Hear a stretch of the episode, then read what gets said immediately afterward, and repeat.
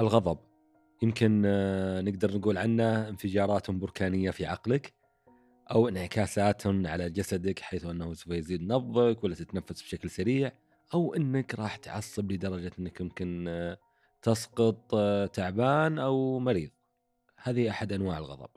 ولكن خلونا نقول آه، غاضب وزعلان ومتضايق ومنفجر وهناك بركان لم يهدأ في عقلك.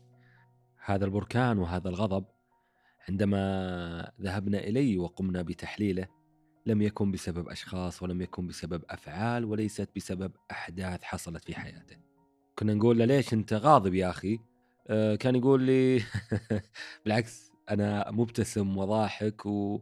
وأنا أنا أنا حاليا ما علي أي أثار غضب.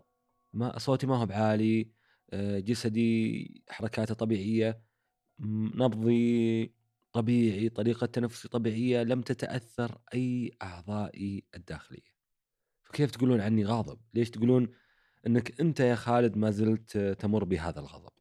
كنا نقول له نعم أنت لم تظهر علامات الغضب التي نعلمها جميعا والتي ترى بالعين المجردة ولكن كأنك بركان لم ينفجر. أو كأنك بركان على فوهة الانفجار. أنت في أنت في طريق غريب يا أخي.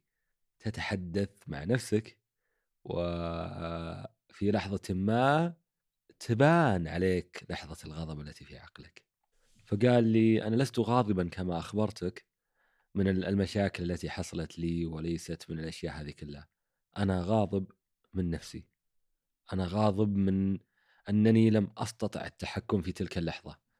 أنني غاضب أنني سمح بالتلاعب بي. أنا غاضب أنني خسرت ولم أستطع أن أفوز. أنا غاضب بشكل كامل. أنا لن أسامح نفسي. أول ما قال الجملة هذه بطريقة الغضب اللي نعرفه علمنا أنه يعاني. في بعض الأحيان تلقى الشخص غاضب ليس بسببك وليس بسبب محيطه الحالي الذي هو جيد ولطيفين وما فيهم أي مشكلة وناس كويسة بالعكس وليس بسبب الأحداث التي حصلت له إنما بسبب خسارته. جلد الذات الذي في داخلنا ربما يكبر لدرجة أننا نغضب على أنفسنا. فاللي أحاول أقول لك إياه في هذه الحلقة خليك بسيط مع نفسك وافهم نفسك ببساطتها. نعم نحن نخطئ ونعم نحن نخسر في بعض الأحيان ونعم يوجد أشخاص سيئين في حياتنا ربما يؤذونا ولكن لا تجعل هذا الغضب بداخلك ينعكس عليك. ولا تجعل هذا الغضب بداخلك يكون نتيجته أذية ذاتك. إلى اللقاء.